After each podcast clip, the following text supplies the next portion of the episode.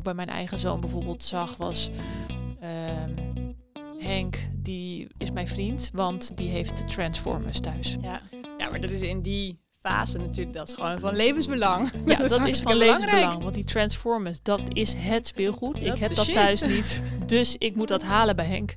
En Henk accepteert dat ook. Ja. Dus dat is dan de basis van de vriendschap. Ja, Eh, maar je ziet op een gegeven moment ook dat dat los van het speelgoed ook heel erg te maken heeft ook wel met het karakter. Dus wat je dan ziet is dat bijvoorbeeld de bewegelijke kinderen ook de andere bewegelijke kinderen opzoeken.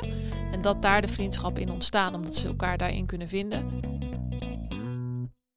Welkom bij de Opvoedkast. De podcast over alles wat je als ouder van jonge kinderen wil weten. Want tijdens de opvoeding van die kleine loop je tegen van alles aan. En dan is het fijn om af en toe een pedagogische hulplijn te hebben. Goedemorgen Laurie. Goedemorgen Amber. En hallo luisteraars. Fijn dat we hier weer zitten. Op het moment van opnemen is het net zomervakantie. En zomervakantie brengt altijd een beweging met zich mee binnen de vriendschappen van kinderen. Dus daar gaan we het vandaag over hebben. Vriendschappen. Heb jij in jouw jeugd een, een echte vriendschap van betekenis gehad, Laurie? Ja, zeker. De, de vriendschap die als eerste bij me opkomt, is, is de vriendschap die nog steeds heel belangrijk voor mij is. Dat is eigenlijk nog steeds mijn beste vriendin. En dat ontstond al heel eh, jong. En eh, dat is bijzonder ook omdat dat op een gegeven moment is zij verhuisd. Wel echt op een uur rijden afstand van waar ik woonde. En dat heeft toch stand gehouden, ook door middel van een soort penvriendschap. Wauw, wat knap. Ik denk ook dat het heel mooi is, een mooi voorbeeld van hoe vriendschap zich ontwikkelt door de tijd. Omdat het in het begin heel erg gebaseerd was op we spelen, we houden van dezelfde dingen. En naarmate we ouder werden kwam er ook ehm, kwetsbaarheid bij, vertrouwen, Geheimen. Ja, en dan de verliefdheden en zo Oh, en alle struggles. En dat hebben we allemaal met elkaar gedeeld. Dus dat is heel bijzonder. En nu ben ik eh, getuige op haar huwelijk. Nou, hoe mooi. Ja. En jij dan? Heel leuk. Ja, ik had een eh, buurjongen aan de overkant van de straat met wie ik eigenlijk altijd speelde. Dus ehm, boomhutten bouwen, speeltuintjes opzoeken, skideren, dat eh, deden we altijd samen. En ehm, we hadden allebei een zusje en die waren ook, als elkaars, eh, die waren ook elkaars leeftijd. Dus dat matchte natuurlijk extra goed daarin. Ja, ja. Je had het net al eventjes over hoe vriendschap zich ontwikkelt met de tijd. Mhm. Ehm, en daar wil ik eigenlijk nog even op inhaken. Want hoe ontstaan vriendschappen nou eigenlijk? En hoe veranderen die met iedere leeftijdsfase? Je zou kunnen zeggen dat in de babytijd eigenlijk al een eerste vorm van vriendschap ontstaat. En dat is dan vooral in de vorm van contact maken. Dus in het begin zie je dat baby's heel gericht naar elkaar gaan kijken. Dat ze ook wat langer naar bepaalde kindjes kijken. Dan wordt het ook aanraken, dus heel erg het gezicht aftasten, eh, elkaar echt fysiek opzoeken. Echt die eerste vorm van interactie met elkaar. Ja, en dan ontstaat er ook emoties. Dus dan gaan bijvoorbeeld baby's lachen als ze een bepaald leeftijdsgenootje zien die ze vaker zien. Eh, al die vormen van interactie, dat zou je kunnen zien als een eerste basis van vriendschap. En daarna, als kinderen wat ouder worden, dan ehm, is er ook wel vriendschap, maar is de basis vooral nog heel erg bazaal. Dus ofwel, je bent aardig, want je hebt interesse in mij. Het is heel erg op, op zichzelf gericht nog. Of jij hebt eh, dezelfde interesses als ik. Dus jij speelt graag met auto's, ik ook. Dus we zijn vrienden. En ehm, we, zouden dat als volwassenen bestempelen, we dat een beetje als oppervlakkig wellicht. Maar wat ik ook bij mijn eigen zoon bijvoorbeeld zag, was ehm, Henk, die is mijn vriend, want die heeft Transformers thuis. Ja. ja, maar dat is in die fase natuurlijk, dat is gewoon van levensbelang. Ja, dat, is van belangrijk. levensbelang. Want die Transformers, dat is het speelgoed. Dat ik heb dat shit. thuis niet. Dus ik moet dat halen bij Henk. En Henk accepteert dat ook. Ja. Dus dat is dan de basis van de vriendschap. Ja. Zie je dan ook eigenlijk dat pas vanaf die leeftijd kinderen echt een voorkeur gaan krijgen voor bepaalde andere kinderen? Nee, ik denk dat dat al heel jong is. Alleen de voorkeur is toch wel steeds weer op iets anders gebaseerd. Dus die voorkeur ontstaat. Eh, maar je ziet op een gegeven moment ook dat dat ehm, los van het speelgoed ook heel erg te maken heeft ook wel met het karakter. Dus wat je dan ziet is dat bijvoorbeeld de bewegelijke kinderen, die heel erg houden van rennen en springen en tikkertje doen, ook de andere bewegelijke kinderen opzoeken. En dat daar de vriendschappen in ontstaan, omdat ze elkaar daarin kunnen vinden. Evenals de meer introverte, rustige kindjes, die zoeken elkaar ook weer meer op. Want die kunnen elkaar op die manier vinden in de soorten spel en in het contact. Ja, heel logisch eigenlijk. Ja, en eigenlijk zie je dat vanaf groep 5, 6, 7 dat vriendschappen echt meer diepgang krijgen. Zo laat pas. Ja, ehm, kijk, al vanaf een jaar vijf gaan vriendschappen al wel wat dieper. Maar het is nog steeds heel pragmatisch. Dus heel erg gericht op mijn vriend is iemand die iets voor mij doet. Dat is mijn vriend. En daarin is nog steeds de eigen rol heel belangrijk. En ehm, ja, heel erg gericht op zichzelf. En inderdaad, pas vanaf die wat oudere leeftijd dan komt echt een stukje van ik durf kwetsbaar te zijn. Ehm, ik deel geheimen met je. Ik durf ehm, je te vertrouwen, iets te delen wat ik met niemand anders durf te delen. En ehm, ja, dus eerst is het echt een kwestie van dingen halen bij de ander die je zelf niet hebt.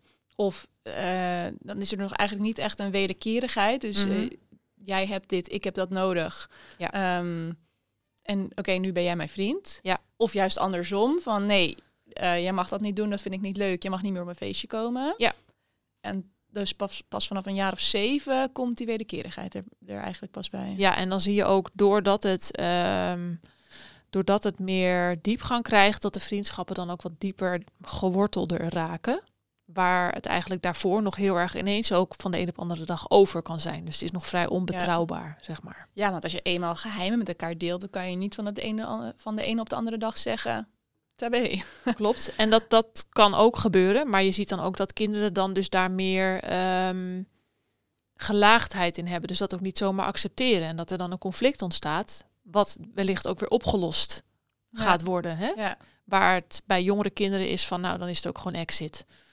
Wat een Ja. half jaar later ook in één keer weer heel anders kan zijn. Ja, weer. Ja, precies. Ja. Ja. we hebben ook drie luisteraarsvragen over het onderwerp vriendschap binnengekregen. En we gaan eerst even luisteren. Hoi, ik heb een zoontje van bijna drie. En ehm, nou, die kan best wel verlegen zijn soms. Maar ik zou het zo leuk vinden voor hem als hij wat makkelijker op kinderen afstapt.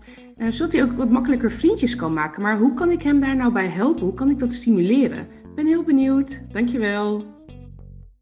Ja, hoe kun je je kind hierbij helpen? Nou, wat je kunt doen is bijvoorbeeld zorgen dat je kind in verschillende sociale situaties terechtkomt. Waarbij die dus ook contact kan maken met andere kinderen.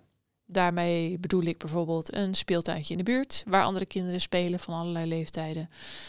Een verjaardag waar je misschien in eerste instantie niet zoveel zin in hebt, maar waarvan je wel weet van hé, hey, daar zijn ook allerlei kindjes. Um, je kunt allerlei openbare situaties opzoeken waarbij je weet, hier krijgt mijn kind te maken met de aanwezigheid van andere kinderen. Ja, wel goed om je kind daar dus bewust aan ja, bloot te stellen, noem Ja. ik het maar eventjes. Ook al heb je er zelf misschien niet zo'n zin in. Ja, zeker. Ook al ben je van jezelf misschien wat minder sociaal of heb je minder behoefte aan aanwezig zijn in openbare plekken, et cetera. Wel goed om dat op te zoeken. En als je zelf liever buiten bent, dan hoef je natuurlijk ook niet in een propvolle binnenspeeltuin te gaan zitten. Ga dan Nee. vooral naar een, eh, een buitenterrein waar je weet dat je andere kinderen gaat treffen. Ehm, je kunt ook wel aan je kind laten zien hoe je con- contact kunt maken met andere kinderen. Want dat draagt wel degelijk bij aan het ontwikkelen van sociale competenties, waar je kind later weer heel veel aan heeft. En hoe doe je dat? voorbeeld geven dus eigenlijk. Precies, dus je geeft het goede voorbeeld. Dus stel, je bent in de speeltuin, eh, neem je kind bij de hand, neem het mee naar de zandbak, waar ook andere kinderen spelen. Begroet die kinderen, hè, zodat je kind ook ziet, oh ja, zo doe je dat dan. Ga erbij zitten ehm, en, en ga een gesprekje aan met die kinderen. Maar wel belangrijk daarin is ook dat je het op een gegeven moment ook weer loslaat. Dus neem ook weer afstand. Want ehm, je, kunt, je kunt niet continu erbij blijven zitten om, om die sociale interacties te blijven faciliteren. Nee, want als jij de hele tijd als een soort van bedoelde brug daarbij zit om speeltjes uit te wisselen of interactie eh, of dialoog te starten, Ja, eh, dan blijf je er dus ook altijd tussen zitten. En is het op een gegeven moment geen brug meer, maar een muur. en dat ben ik helemaal met je eens. En ook daarin, jij kan iemand zijn die eh, sociaal contact vooral maakt met woorden. Dat past ook bij je leeftijd als volwassene. Mhm. Maar een kind, je moet je kind ook de ruimte geven om dat op zijn eigen manier te doen. Die is misschien wat minder nog van het verbalen, maar die, ehm, die maakt het contact juist door inderdaad speeltjes uit te wisselen of gewoon naast iemand te gaan zitten of gewoon Ja. zonder iets te zeggen mee te gaan bouwen met een zandkasteel. Heel interessant ook om weer te kijken juist hoe het andere kind daarop reageert en weer hoe jouw kind daar dan op reageert. Ja. En dat moet je ook echt loslaten. Dus leun achterover. Leun achterover en nadat je achterover hebt geleund, stap dan ook de zandbak gewoon weer uit. Je ziet dat het een beetje op gang komt, laat het weer even los. En de basis bij deze leeftijdsfase van dit kind, het komt vanzelf. Kinderen van deze leeftijd zijn veelal nog heel erg op zichzelf gericht. En dat past ook helemaal bij de ontwikkelingsfase. Ehm, van de term vriendschap kan je überhaupt pas een beetje gaan spreken vanaf een jaar of drie, vier. Ehm, dus het is ook helemaal niet zorgelijk als je kind vooral nog erg op zichzelf gericht is of minder snel op andere kinderen afstapt. Daar ontwikkelt hij vanzelf zijn eigen manier in. Ja, heb vertrouwen dat dat nog komt. Ja. En laat het dus op dit punt nog een beetje los. Ja. Ja. ze beloop gaan. Ja. Oké. Ehm, we hebben ook een luisteraarsvraag die ehm, de zomervakantie betreft. Wat ik merk is dat mijn dochter op vakantie vaak veel makkelijker vriendjes maakt dan op school. Wat natuurlijk heel fijn is, maar hoe zit dat eigenlijk? Ja, ik denk heel herkenbaar voor veel ouders. Ja. Hoe werkt dat bij kinderen? Waarom is het in de zomervakantie ineens zoveel makkelijker? Nou, wat heel fijn is aan, aan een vakantiebestemming, is dat je daar als kind helemaal opnieuw kunt beginnen, als het ware. Je kunt helemaal uit je vaste patronen stappen, uit de rollen die je zijn toebedeeld op school eh, of in welke sociale situatie dan ook. Kijk, niemand die kent jou, dus je kunt, je, je kunt helemaal de beste versie van jezelf zijn. Of niemand een die, andere versie? Ja, niemand die weet dat jij misschien eh, stottert als je nerveus bent. Of dat je eigenlijk dyslexie hebt. Of dat je op school heel weinig vrienden hebt. Niemand die weet dat van jou. Dus je kunt Zonder oordelen starten. precies. En dat maakt ook eh, dat er ontspanning ontstaat. En ontspanning zorgt weer voor een minder hoge drempel om Mhm. sociaal contact aan te gaan. En een ander voordeel is ook dat je ehm, die kinderen die je op vakantie treft, die hoef je in basis daarna nooit meer te zien. En ook dat kan heel drempelverlagend werken voor kinderen. Beseft een jong kind dat echt al? Dat, dat, dat je die kinderen dus daarna nooit meer ziet? Nou, dat ligt er inderdaad aan. Echt jonge kinderen die denken daar überhaupt niet over na. Iets oudere kinderen zijn zich er wel bewust van, maar laten dat minder leidend zijn. Maar er komt wel op een gegeven moment een besef van ja, normaal zou ik eigenlijk niet durven vragen of ik mee mag doen met pingpongen. Maar in dit geval doe ik het gewoon. En als zeggen ze nee, dat mag niet, dan eh, ga ik gewoon weg en dan zoek ik een ander kind op. Maar dan hoef ik dat kind nooit meer te zien. En dan heb ik maar een paar weken de teleurstelling in plaats van het hele schooljaar. Ja, en dat speelt wel degelijk een rol. Want je kunt je voorstellen dat als je op de basisschool een dergelijke toespeling maakt naar een ander kind op het schoolplein en je wordt afgewezen, dat dat nog heel lang kan doorcijpelen in natuurlijk je eigen gevoel van falen. En dat kan Mhm. in, op vakantie net zo goed. Maar het stuk wat niet meespeelt is, ik moet die kinderen steeds weer onder ogen komen, dag in dag uit. Of ze wijzen me er zelfs nog op, of ik krijg een afwijzing op afwijzing. Dat is wel verschillend eh, als je dat met een vakantiesituatie vergelijkt. Ja. En ja, wat ook een belangrijke speler is hierin, is, is de vakantievibe. Dus de- vaak is dat toch de sfeer van niets moet, alles mag. Eh, het contact is heel la- laagdrempelig, ook oppervlakkig. Het is gewoon, jij houdt van zwemmen, ik hou van zwemmen. We treffen elkaar in het zwembad. En that's it. Heel overzichtelijk. Ja. Vaak zijn ouders in die zin ook meer ontspannen. ja, en, En- die vibe nemen kinderen natuurlijk sowieso al over. Ja, Ja. vaak komt toch bij vakantie meer relaxte sfeer kijken. En dat maakt ook dat contact leggen makkelijker is. En het, het vindt zich vaak ook allemaal op een heel klein stukje plaats. Het is heel overzichtelijk. Bijvoorbeeld op een camping. Je hebt dat veld waar je allemaal staat en daar heb je die pingpongtafel. En ik zit allemaal heel clichématig hoor dit, maar en, en het zwembad. En ehm, je sluit je gewoon aan bij elkaars interesse. Oké, we gaan het bos in, we gaan takken zoeken. ja. Het is allemaal zo Ook dat overzichtelijk. soort dingen maken het dus makkelijker. Ja, ja. Mensen gaan ook geregeld naar het buitenland op vakantie. Speelt taal hierin dan nog een rol? Nou, dat is een goeie dat je dat aanhaalt. Want taal kan juist contact best wel ingewikkeld maken. Want je moet dan op, een verbale manier moet je dus een contact aangaan door een vraag te stellen, et cetera. En als je elkaars taal toch niet spreekt en je bent aangewezen op lichaamstaal, gebaren, oogcontact, dan kun je eigenlijk simpelweg dus gewoon aansluiten bij het spel van een ander door gewoon mee te gaan doen. Je weet toch al dat er niet gezegd gaat worden, je mag niet meedoen. Eh, want we hebben al teams gemaakt, et cetera. Want die taaluitwisseling die is er niet. En met name bij jongere kinderen zie je dat taal dan ineens ook totaal onnodig blijkt. Ja. Dus die kunnen rustig twee uur lang met elkaar spelen, terwijl de een Spaans spreekt en de ander Grieks. Maakt Ja. helemaal niet uit. ja. ja, dus eigenlijk maakt taal het onnodig ingewikkeld. Soms wel. Dan zijn we alweer toe aan onze laatste luisteraarsvraag. En die komt van Jentel. En zij heeft een iets oudere zoon van acht jaar oud. En zij zegt, ik zie dat de vriendschap tussen mijn zoon en zijn beste vriend eigenlijk niet zo goed voor hem is. Er zijn regelmatig conflicten en onderlinge irritaties. En daardoor dus ook heel veel teleurstelling of verdriet. Hoe, ga ik hiermee om? Ja, kun, je je kind überhaupt sturen in vriendschappen? Is dat iets wat je, wat je zou moeten doen of moet je het Nou, gewoon laten gaan? Je rol als ouder is hierin wel vrij beperkt. En dat is best lastig, omdat vriendschappen zich over het algemeen niet laten forceren. Dus het kind wat jij zou zien als de perfecte vriend voor jouw kind, omdat jij meent dat de karakters zo goed bij elkaar passen, of wat jij er ook van vindt, dat kun je niet bepalen voor jouw kind. Jouw kind zoekt iets in een vriendschap ehm, en dat weet je soms als ouder niet eens, wat hij daarin vindt. Dat betekent niet dat dit wel een hele lastige situatie kan zijn, want je wil je kind teleurstellingen, verdriet eh, besparen. Helemaal in een vriendschap. Hè? Iets wat in de Ja. basis eigenlijk heel mooi moet zijn. Feit is wel dat je als ouder op deze leeftijd gewoon steeds meer een toeschouwer wordt van die vriendschappen en de keuzes daarin van je kind. Waar we in het eerdere voorbeeld spraken over dat je mee de zandbak in kan gaan en dus een beetje kunt, samen kunt onderzoeken wie daar allemaal speelt, et cetera. Dat is op deze leeftijd niet meer. Nee. Ehm, wat je wel kunt doen is je als ouder vooral geïnteresseerd opstellen naar je kind. Dus vrij van oordeel. Probeer oprecht geïnteresseerd te zijn in wat biedt deze vriendschap jou. Dus stel vragen. Wat, wat vindt je kind zo leuk aan dit vriendje? En, en hoe spelen ze dan samen? Wat, wat maakt dat zo leuk?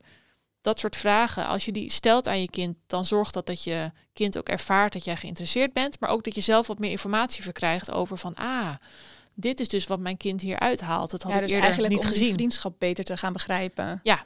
Ja. En ehm, daarin kun je wel degelijk ook grenzen stellen. Hè? Dus stel, eh, dus stel even een voorbeeld uit eigen praktijk. Mijn zoon had een, eh, een kindje thuis, een iets ouder kindje, waar hij graag mee speelt. En in één keer was ik ze kwijt. Toen dacht ik, waar zijn ze nou? En toen zag ik het licht branden in de voorraadkast. Toen deed ik die kast open. Toen hadden ze zich daar samen verschanst. En zag ik allemaal fruitella papiertjes op de grond liggen. Ehm, nou ja, keken ze me natuurlijk een soort van vrij ondeugend betrapt aan. En toen dacht ik wel van ja, dit is niet gedrag wat mijn zoon normaal laat zien. Hij heeft nog nooit zelf in de voorraadkast gezeten. Ehm, nou is niet per se het braafste kind van de klas, maar Mhm. dat doet hij dan niet. Eh, en dacht ik dus wel bij mezelf, ja, dit is heel erg de invloed van dat andere kind. En op dat moment dacht ik ook, ik ga hier in het kind absoluut niet afvallen. En mijn eigen zoon ook niet. Maar ik ga wel heel duidelijk een grens Ja, stellen. je wil er wel wat van zeggen. Ja, dus maar hoe doe je dat dan zonder dus dan dat zo'n oordeel te geven? door heel concreet te benoemen, dit is niet wat wij doen hier in huis. We gaan niet stiekem de kast in om snoepjes te pakken. Als je snoepje wil, kun je het aan mij vragen. Dan kan het antwoord ja of nee zijn. Maar dit is niet wat we hier doen. Heel objectief dus eigenlijk. En ehm, ik heb later ook nog wel mijn zoon daar een beetje op aangesproken. Niet op een boze manier, maar wel van... Ik verwacht van jou dat jij ook weet wat hier in huis de regels zijn. En dat kun je ook tegen een ander kind zeggen. Later dacht ik wel, oei, dat is best veel gevraagd van hem als vijfjarige... om dan ehm, het lef te hebben als een ouder kind zegt... kom, we gaan die voorraadkast in om snoepjes te pakken... om dan ja, een soort van stellig te zijn van nee, Ja. dat doen we hier niet. Tegen in te gaan. Ja, ik dat, dus dat was weer even een realisatie van mijzelf later. Dat ik dacht, vraag ik misschien iets te veel van hem. Maar ik heb het, het wel. hoeft niet in één keer goed te gaan. Nee, ik heb het wel naar hem uitgesproken. En eh, mijn doel was dat hij daar even over na ging denken ook. Ja. Vertrouw er ook op dat je kind zijn vrienden selectief kiest. Omdat hij daar iets te halen heeft, om het maar even plat te zeggen. ja, en als je dat dus wel beter wil begrijpen, dan kun je dus in gesprek gaan met je kind. Van, nou, wat vind je zo leuk aan hem Ja. of haar? En, Ja, als je het dan beter begrijpt, dan kan je het ook beter loslaten. Wat je ook kunt doen als ouder is eh, je kind blootstellen aan andere kinderen. Bijvoorbeeld door voor te stellen om je kind op een teamsport te doen. Dat kan je kind ook helpen om letterlijk in een andere omgeving kennis te maken met andere kinderen. En zich dan te realiseren van, hé, hey, wat leuk. eh, Dit soort types zijn er dus ook nog. ja, die passen eigenlijk ook heel goed bij mij. Of hier haal ik heel veel uit. Of, ehm, Ja. En, en belangrijk om ook nog even bij deze vraag te noemen is dat vriendschap betekent samen spelen, samenhorigheid, blijdschap. Maar het betekent ook teleurstelling, tranen, verdriet. Hoort erbij. ja. ja, je kunt niet verwachten dat het continu elkaar liefde is. Zeker niet. En Nou, van zo- conflicten binnen vriendschap leren ze natuurlijk ook gewoon uiteindelijk heel veel. Het oplossen van die conflicten dan tenminste. Ja, dat is ook onderdeel van de sociale competenties waar je in je latere leven ook weer hartstikke veel aan hebt. Ja, Dus die moeten er ook zijn. ja. ja, dus dat is ook natuurlijk weer een heel belangrijk onderdeel van vriendschap. Ja. La- Laten we nog even een beetje een stapje achteruit nemen. Want Mhm. als we het dan dus hebben over belangrijke dingen van vriendschap, ehm, Wat, wat maakt dat het hebben van vriendschappen heel belangrijk is in de ontwikkeling van kinderen? Allereerst dus het oefenen met al die sociale vaardigheden. Dus waar we het net over hadden, dat, dat gaat van het hanteren van conflicten tot het samen spelen, dingen met elkaar delen, eh, zowel fysiek speelgoed delen, maar ook dingen die je dwars zitten, dingen die je graag kwijt wil aan iemand. Al die sociale vaardigheden en competenties, vriendschap leent zich daar uitstekend voor om dat allemaal te oefenen. Daarnaast is het ook heel belangrijk in het verkennen van je eigen grenzen. Vind ik deze vriendschap eigenlijk zelf nog leuk? Ehm, hoe los ik dit conflict nou op? Iemand gaat over mijn grens heen, hoe geef ik dat aan? En in een vriendschap leren kinderen ook wel op jonge leeftijd zich heel erg aan te passen aan de ander. Dat kan zowel op emotioneel niveau zijn als letterlijk in hoe speelt een ander. Oh, dan ga ik daarin mee of juist niet. En ik neem weer afstand. Dus dat maakt een kind flexibel en veerkrachtig. Ja. En ehm, wat ook echt belangrijk is, is dat het ook heel erg helpt om de eigen gevoelens te begrijpen. Dus hoe, hoe kijkt mijn vriend naar mij? Wat waardeert mijn vriend in mij? En hoe kan ik er voor een ander zijn? Het, het kan echt een enorme boost zijn voor het zelfvertrouwen van een kind. En dan heb ik het wel over iets oudere kinderen. Als een ander kind aan je teruggeeft van, oh, ehm, vond ik, ik vind het zo fijn dat je er was. Of je hebt me echt geholpen. Of dank je dat je naar me hebt geluisterd. Je bent echt een goede vriend. Kinderen doen dat misschien nog wel meer dan wij als volwassenen. Zeker.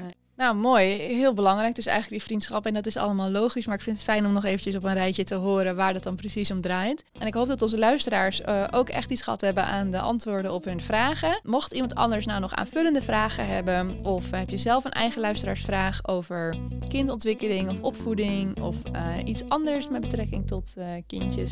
Laat het ons dan weten. En mail naar podcast.companany.nl Bedankt voor het luisteren. Tot de volgende keer.